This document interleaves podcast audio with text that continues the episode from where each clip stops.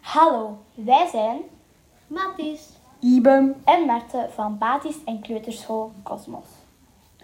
En ja, in deze podcast kom je alles te weten over de stijging van de zeespiegel. Hallo, ik ben Marte en ik ga praten met Mathies en Iben over hoe de stijging van de zeespiegel komt. Hier nu met Mathies. Mathies, wat is de zeespiegel eigenlijk? Spiegel, dat is eigenlijk gewoon een, de, het oppervlakte van het water. Dat is de zeespiegel. Hoe komt de stijging? De stijging, van- de stijging van de zeespiegel, dat komt eigenlijk door de opwarming van de aarde. Door de opwarming van de aarde gaat de temperatuur stijgen, wordt warmer en gaan gletsjers en grote ijsbergen smelten. En door, vooral op Groenland en Antarctica.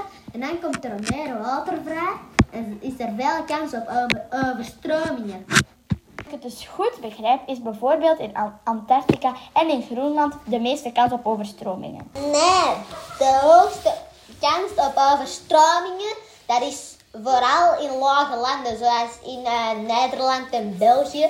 Dat ligt misschien twee meter ehm, boven het zeeniveau. En eh, als dat, dat aan 75 meter stijgt, dan liggen die helemaal onder. Maar China en Nepal, dat zijn de hoogste landen van de wereld.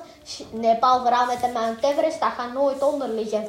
En zou je dan die overstromingen kunnen vermijden? Ja, dat is mogelijk door minder CO2-uitstoot te zorgen.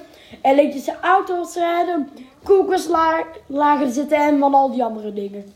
Eigenlijk zorg je dat het een beter klimaat wordt. Ja, En nog interessante dingen over de stijging van de zeespiegel? ja, zeker. En ik wil nog zeggen dat, dat ik heb nog drie weetjes.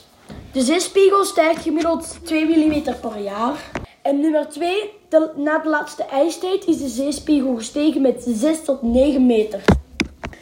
Eh, nummer 3, de laatste eeuw is de zeespiegel gestegen met 3 meter. En dit waren ook de weetjes die ik had. Jullie weten nu allemaal hoe de stijging van de zeespiegel komt, hè?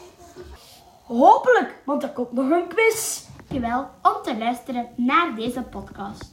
Adios! Einde!